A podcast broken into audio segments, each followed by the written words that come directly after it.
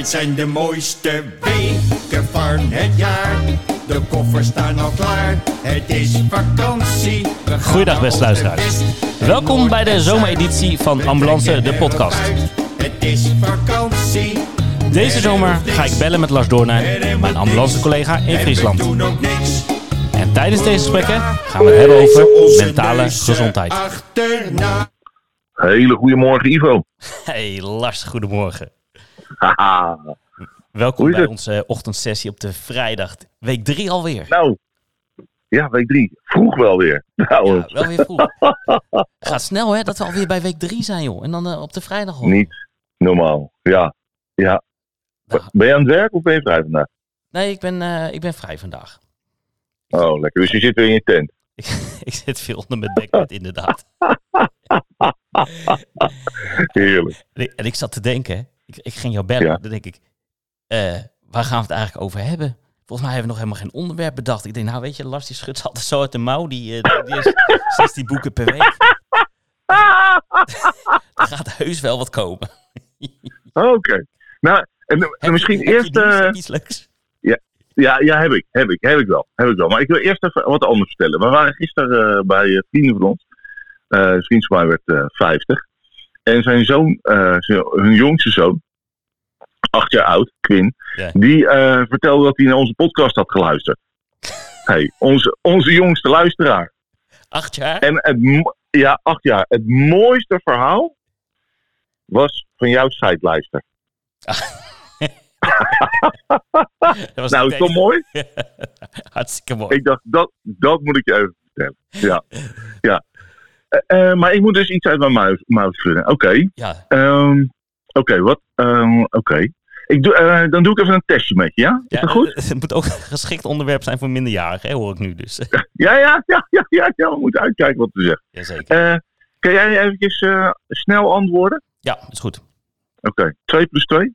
Vier. 3 plus 5? Acht. Wat zeg je? 17 keer 5. Ja? Ja, ja, dat ja? was goed. 17 keer 35? Eh, Daar ga ik geen moeite voor doen. Oh, ah, oké. Nou, mooi. Dit is mooi. Dat wordt hem niet. 17 keer 35. Nee, hè? Oké. Eh, dat is mooi dat je dat zegt. Daar ga ik geen moeite voor doen. Want dat is precies eh, wat ik eventjes wilde aantonen met, met deze uitgebreide test. Mhm. Je, je- je, hebt een, je hebt een systeem 1 en een systeem 2 in je, in je hoofd, in je denken. En dat is beschreven door Daniel Kahneman. Onder andere, er zijn meer mensen die het hebben beschreven, maar hij is er erg bekend mee geworden. Eh, hij heeft ook een Nobelprijs eh, eh, gekregen voor zijn werk. En hij schrijft in het boek dat je eigenlijk een automatisch denken hebt. Mhm. En een wa- wat luiere versie, een, een, een deel van je verstand zo gezegd, dat je heel gericht aanzet. Heel bewust. dat, en dat werkt langzaam. Het eerste systeem werkt heel snel. 2 plus 2, 4. 5 plus 3, 5. Maar 17 keer 35, dat kan niet in dat systeem heen. Dat heb je gewoon niet paraat. Dat kun je niet associëren. Dus dat moet je uitwerken voor jezelf. Daarvoor moet je dingen eventjes parkeren, onthouden als je het uit je hoofd doet. Of papier erbij pakken. Dat- vraagt allemaal. Daarom zei je ook, daar ga ik geen moeite voor doen. Nee, niet Dat is snel, mooi, hè. Want- heb je langer voor nodig. Daar heb je langer voor nodig. Nou, en eh, dat, dat boek beschrijft echt, eh, ook voor ons beroep, echt fenomenaal eh, psychologische processen. Waar echt heel veel onderzoek eh, naar is gedaan. En dat wordt in het boek ook heel uitvoerig beschreven. Een van de dingen die in dat boek beschreven worden, is de bias van achteraf kennis. En een bias is een bepaalde vooringenomenheid, een bepaalde bril waarmee je naar de werkelijkheid kijkt. En, en er zijn er een heleboel. Ja. Een hele bekende is bijvoorbeeld het halo-effect. Eh, maar ze zijn er heel veel. Maar de bias van achterafkennis is wat minder bekend. Eh, en, die, en die raakt ons eh, vak op een hele bijzondere manier volgens mij. Vertel, ik ben benieuwd. Ehm, ja, Baruch Bischoff is de eerste die dat aantoonde in de, in de, in de vorige eeuw. Toen ging eh, president Nixon die ging op bezoek eh, bij zijn Chinese collega. En dat was een, een zeer beladen ehm, bezoek. Waarvan ja, iedereen dacht, hoe, hoe zal dat gaan? Gaat die Chinese president, gaat hij hem ontvangen? Gaat, Hoe zal, hoe, nou, oeh, nou, dat was onderwerp van gesprek. Ja. Toen heeft die bischof, die heeft van tevoren onder een heel groot aantal eh, mensen de vraag gesteld: wat is je verwachting? En dan konden ze een aantal keuzes opgeven. Nou, dat bezoek is geweest. Toen heeft hij al die mensen weer uitgenodigd eh, voor het onderzoek. En toen heeft hij gevraagd: ehm, wat was jouw inschatting ook alweer? En die ontmoeting was op een bepaalde manier verlopen. Die was goed verlopen.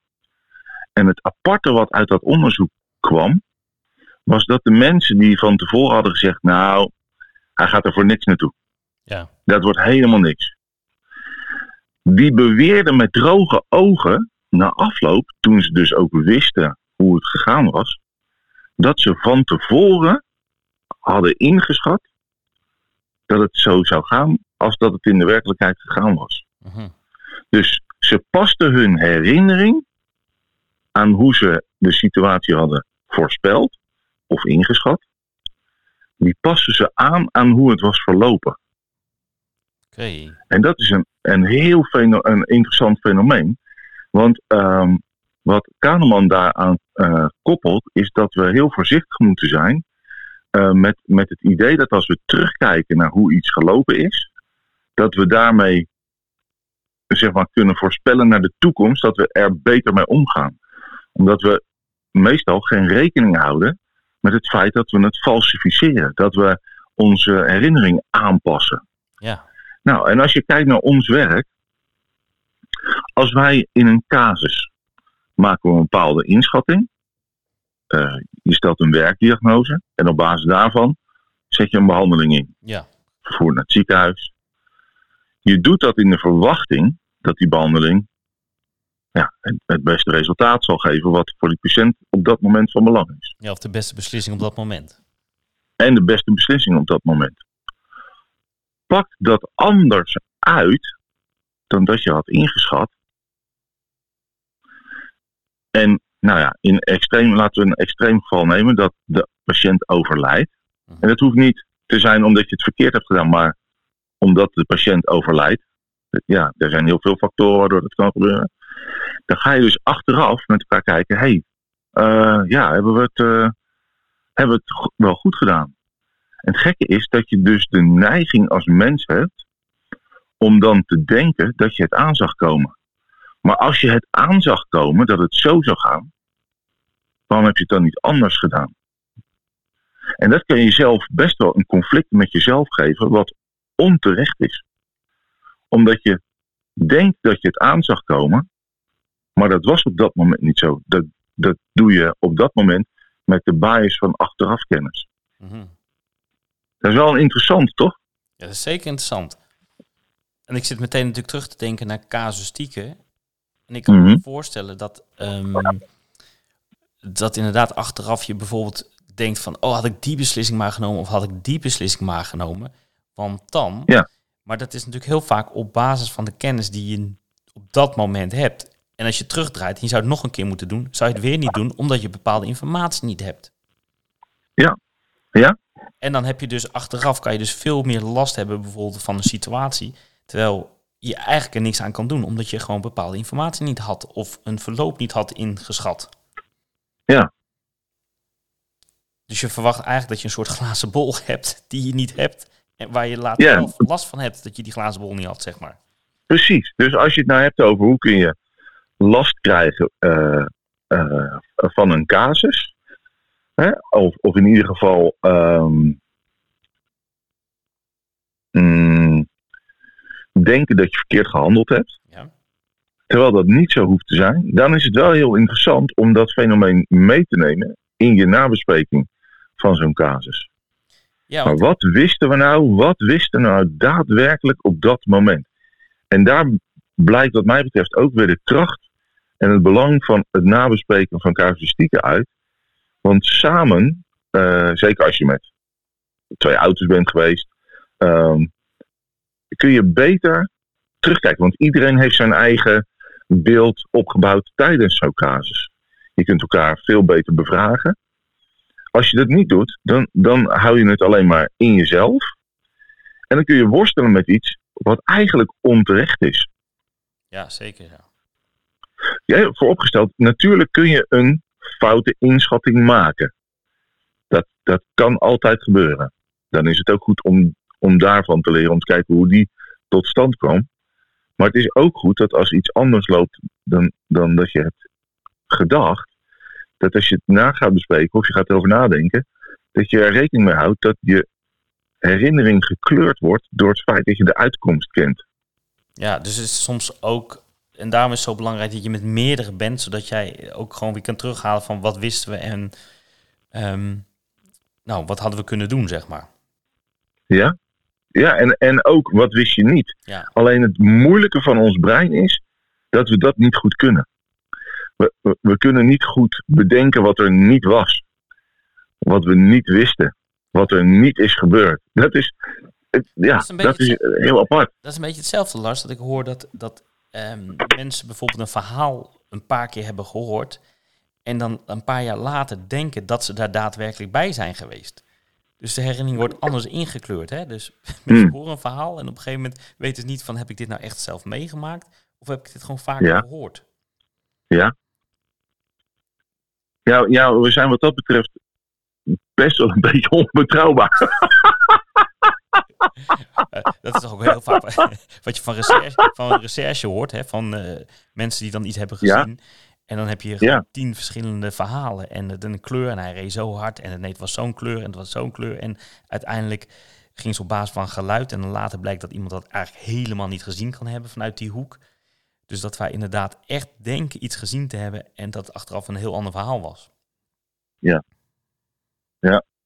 Maar best wel interessant, want het is altijd lastig bij jezelf te controleren. Wat is nou wel waar en wat is nou niet waar? Want je denkt Ja, ja, zonder, ja, ja, zonder het te overdrijven natuurlijk. Ik bedoel, eh, eh, eh, maar, maar het is wel goed om dit mechanisme, wat, wat bij ieder mens dus kennelijk een bepaalde rol heeft, om daar rekening mee te houden.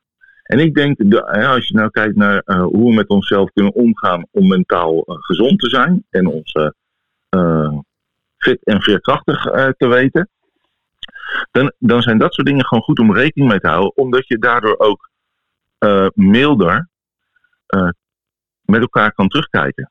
Ja, En nieuwsgieriger. Hoe, hoe was het nou? Je gaat heel snel in aanname zitten. En eh, oh, stom, hoe, hoe, hoe heb ik dat nou zo stom kunnen doen? Nou, als je dat denkt, dan is het wel goed om, om te bespreken van oké, zonder dat stom erop, hoe ging dit nou eigenlijk? En wat wisten we nou eigenlijk? En vooral ook, wat wisten we niet wat we nu wel weten? ja, Ehm, eh, er was in Amsterdam een collega die een paar keer eh, in de tijd dat ik er werkte, ik weet niet meer wie het was, die heeft een paar keer tegen mij gezegd: eh, Lars, wij doen ons best, God doet de rest. ja. Ja, vond het wel een, mooie uitspraak. En ehm, we zijn best wel geneigd, omdat we het allemaal heel goed willen doen, ehm, om ook heel hard te zijn eh, over onszelf en over elkaar, als het niet helemaal goed lijkt te gaan. Eh, maar er zit in ons werk, net als in de rest van het leven, ook zoiets als eh, geluk en pech en toeval. En dingen gebeuren soms die je niet kunt voorzien. Je kunt niet alles voorzien. Je kunt niet alles van tevoren tackelen. Dat, dat is ook niet de aard van ons werk, denk ik. Nee. Daarvoor moeten we vaak gewoon vlotte beslissingen nemen. En die doe je met de, met de kennis die je hebt, de vaardigheden en de informatie die beschikbaar is. Op dat moment En- zeker. ja. Eh, op dat moment. ik, ik zat even te denken, Lars. Het is ook gewoon, ehm, als je het nog even verder trekt, hè. Ehm, iedereen gaat in zijn carrière meemaken dat hij eens een keer iets gemist heeft. Of dat hij gehoord heeft achteraf dat, er, dat hij het verkeerd heeft ingeschat. Hè? Of verkeerd ingeschat. Dat is ook, ik moet zeggen, ik, ik zijn verhaal. Ik heb het een tijdje terug voor het eerst gehad. Eigenlijk in mijn hele carrière heb ik eh, voor het eerst gehoord dat ik iemand thuis had gelaten. eh, en die bleek een bloeding in zijn hoofd te hebben gehad. En daar had ik in een eerste instantie, dan voel je heel erg van, oh, hoe heeft het nou kunnen gebeuren? Nou, dan ga je het Mhm. natuurlijk voor jezelf uitpluizen, met je collega over hebben en alles.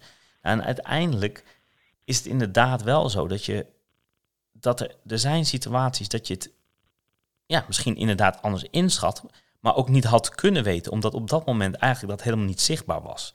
En dus dan ga je uitpluizen, wat heb ik gedaan, wat heb ik voor advies gegeven, wat waren de symptomen, wat, wat nou, en uiteindelijk eh, kom je er toch wel achter dat je nou, misschien op dat moment wel goed hebt gehandeld en dat je het juiste advies hebt gegeven, maar dat het later ja, toch een andere kant is opgegaan. Um. Daar kan je natuurlijk ontzettend veel last van hebben. Ja. Of je kan bij jezelf accepteren en wel van leren, maar wel ook accepteren van dit komt gewoon voor in je carrière. Want je kan niet bij duizenden mensen, kan je het altijd goed hebben. En het wordt van ons ook verlangd, hè? Dat je het, of tenminste, je je wil zo goed mogelijk handelen, maar iedereen maakt wel eens een beslissing wat anders blijkt te zijn. Ja. En ik kan me wel voorstellen dat als, een, eh, als het echt een, een oudere persoon is, dat het allemaal wat makkelijker is dan dat je bijvoorbeeld een beslissing neemt en er gebeurt iets met een kind en dat loopt echt dramatisch af. Ja, dan snap ik wel dat je daar echt, echt veel last van kan hebben.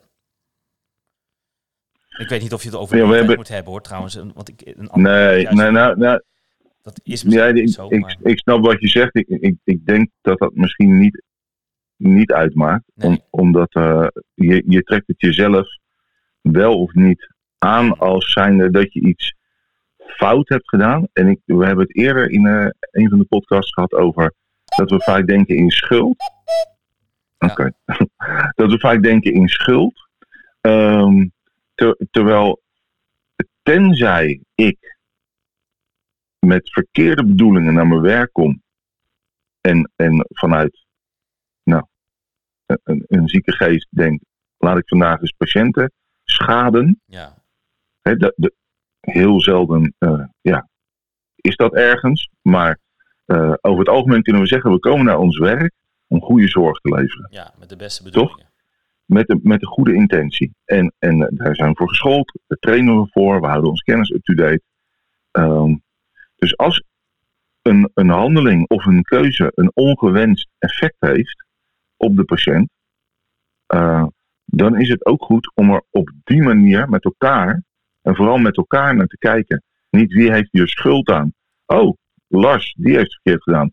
Pok, rotte appel eruit, nou zijn wij allemaal weer goed. Nee, wat hebben we als systeem nu eh, eh, gezien, waardoor dit kon gebeuren, waardoor dat ongewenst effect kon optreden. En eh, ja, en soms doe je dingen voor je gevoel fout, heb je het verkeerd gezien. En dan is het ook goed om te kijken, hoe is dat dan ontstaan? En, zeker als het achteraf blijkt, eh, is het ook goed om er rekening mee te houden dat je herinnering eraan gekleurd wordt door de uitkomst die je al kent, Ja. maar op het moment zelf niet wist. Maar het is wel goed om te zeggen dat het toch heel erg kan schaden. Want ik ben het mee eens dat ook, ik heb ook wel mensen van de inspectie eh, in de podcast gehad. Die zeiden ook van nou, het uiteindelijke doel is natuurlijk om zorg te verbeteren. Dat je iets gaat uitpluizen als er een fout is gemaakt ergens. Hè, of verkeerde Mhm. inschatting. En dat is echt, eh, nou, echt slecht voor de patiënt geweest. Om te zorgen dat dat niet voorkomt. Dus dat dat, je gaat de zorg verbeteren in heel Nederland.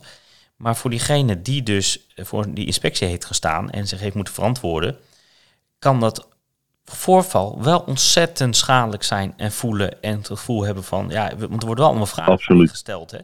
En je moet het wel Absoluut. uitleggen. En als je op dat moment inderdaad niet goed gehandeld hebt, omdat jij gewoon niet goed in je vel zat. Je had misschien een nachtdienst. Je, nou, er kunnen allemaal redenen zijn dat je eens een keer niet zo scherp Mhm. was als altijd. Dat je je ritformulier minder goed hebt ingevuld als altijd. Ik bedoel, ik heb heel vaak dat ik iets vergeten in te vullen. Of dat ik wel eens denk, oh, dat, dat ben ik vergeten. En ik denk dat iedereen dat kent. En ik weet 100% dat iedereen het kent. Want je kan namelijk niet altijd 100% scoren. Eh, nee, Nee. Maar als je net die ene keer dat hebt en je hebt dat meegemaakt en dan komt er een klacht uit of er, is echt een, een voorval en je moet dan ook calamiteit. Ja, calamiteit en je moet voor zo'n commissie komen, dan is dat ongelooflijk heftig. Misschien wel een van de heftigste dingen die in je carrière kan gebeuren, denk ik. ja. ja nee, dat denk ik ook. Ze spreken ook wel over second victim. Ja, En het, het eerste slachtoffer bij een echte calamiteit is de patiënt. En, de, en het tweede slachtoffer in eh, dat beeld eh, is, is de hulpverlener Ja. die erbij betrokken was. En dan is het Ja. heel knap als diegene dit nog steeds, en daar hebben we het weer over, als, als het met een groeimindset kan zien, dat ondanks dat hij zo heftig getroffen is, toch voor zichzelf kan, kan creëren dat hij dat dan ehm, een plek geeft. zeker. En voor ons als eh, eh, beroepsgroep eh, geldt die mindset ook. Ja. Dat, dat we de ruimte hebben in ons, in ons denken en ons spreken met elkaar, ook over collega's die eh, dit gebeurt. Eh, dat, dat je rekening houdt met al die factoren die meespelen bij, bij het gebeuren van zoiets. Ja. Want als je er niet eens bij was en je weet alleen maar de uitkomst, dan is je bias van achteraf kennis, dat is echt één grote, Ja. één grote zonnebril, toch? Dan, dan weet je eigenlijk gewoon ook helemaal niet waar je over praat. Maar we doen het over het algemeen best wel makkelijk. Ja, wij stonden, wat je zegt, hè, wij stonden niet in die arena op dat moment. Dus het is heel makkelijk iets Nee, te vinden. En zeggen, Precies. hoe kon die dat nou doen of hoe kon diegene dat nou doen? Maar als je niet op dat moment Ja. was en je hebt, Als je er niet bij was, nee. of je zit in die situatie of in die gemoedstoestand en het kan iedereen overkomen. Dus nou goed, we hebben met deze podcast wel meteen weer een onderwerp hè, waarvan Nou. je zeker weet dat het je sowieso schaadt, op wat voor manier ook. Ja, ja. En dan een tip, want we zijn al op minuut 20. Ja, een tip. Het is wel heel lastig hier een tip geven, maar eh, eh, over het eerste eigenlijk eh, zorg dat je goed nabespreekt en zorg dat je een, gewoon een helder beeld krijgt van een situatie. Ja. Dat is gewoon altijd belangrijk. Dat hebben we al meerdere keren in de podcast gezegd. Ga goed nabespreken. Casus nabespreken is belangrijk. En niet gescho in de, in de garage van jongens, hoe ging het? Ja, goed, goed, goed. Nou, we gaan nou eens een keertje echt even Ja, verdiepen. Juist, dat. Hè? En de technische stukken en misschien ook een stukje over het gevoel. Gewoon eventjes goed een casus bespreken. Is het iedereen helder? Wat had ik kunnen doen? Wat weten we nu en wat wisten we niet? Nou, en over dat tweede onderwerp wat we hebben, is het natuurlijk lastig om een tip te geven, want het overkomt je en dan zal iedereen eh, op een bepaalde manier reageren, iedereen ook anders. Ja, nee, dat, dat, dat is te ver voor deze podcast. Denk ik ook. Maar misschien wel een tip Ja, voor de ja. collega's. Als mensen, eh, als een collega dat gebeurt, oordeel niet te snel. Oordeel misschien ook gewoon helemaal niet. En, en hoor het Nee, aan en begrijp precies. in wat voor lastige situatie dat is. Ja, Wat er ook Ja. vooraf is gegaan, toch? precies. Ja, zeker. Mooi. Nou, dan gaan we met deze woorden gaan we het weekend in. Ja, ik mag wel werken eh, morgen. Jij? Nog? Of ben je lekker vrij? Nee, ik, dit weekend ben ik ook vrij. Ik ben dus vandaag vrij en het weekend vrij. Oh. Heerlijk eventjes. Wow, mini-vakantie. En geen kids, Lekker. dus we gaan even lekker eventjes ontspannen. Oh, heerlijk zeg. Nou, mooi. Hartstikke mooi. Geniet ervan. Die oudste van mij die zit vlak bij jou in de buurt. Dus eh, Oh ja? ja, een paar dorpen verder. Oh, wat leuk. In. Nou, dan ga ik zwaaien. Ik zwaai gewoon naar iedereen. Zwaai even naar iedereen van rond de drie Oh. jaar, oké? In Bijl. Oké. Ja, nou, dat is in ons, in ons werkgebied. Ik hoop niet dat je hem gaat tegenkomen, want dat is slecht. Nee, nee, Nee. daar gaan we vanuit. Daar gaan we vanuit. Hey Lars, onwijs Mooi. voor deze week drie alweer. Ik vond het eh, weer een leuke, leuke week, leuke onderwerpen. Jij, Wij gaan eh, Jij bedankt. onderwerpen voor volgende week bedenken. En we Ja, zijn nog zeker. één weekje. Hè, we hebben besproken, een maand gaan we dit doen. En eh, Ja. nou, we hebben nog wat onderwerpen volgende week. En daarna gaan we afsluiten de vrijdag met eh, deze zomereditie. ja, een, een feestelijke eh, laatste aflevering dan, hè? Zeker. Hangen slingers op, allebei. Gaan we het even mooi afsluiten. Mooi, ja, leuk. Luisteraars, dankjewel voor het luisteren. En als je op vakantie bent, geniet nog van je vakantie. Ben je aan het werk, geniet van het werk. Tot volgende week. En wat waar Doe is, dat is waar. Dit zijn de mooiste weken van het jaar. Hier moeten we eraf.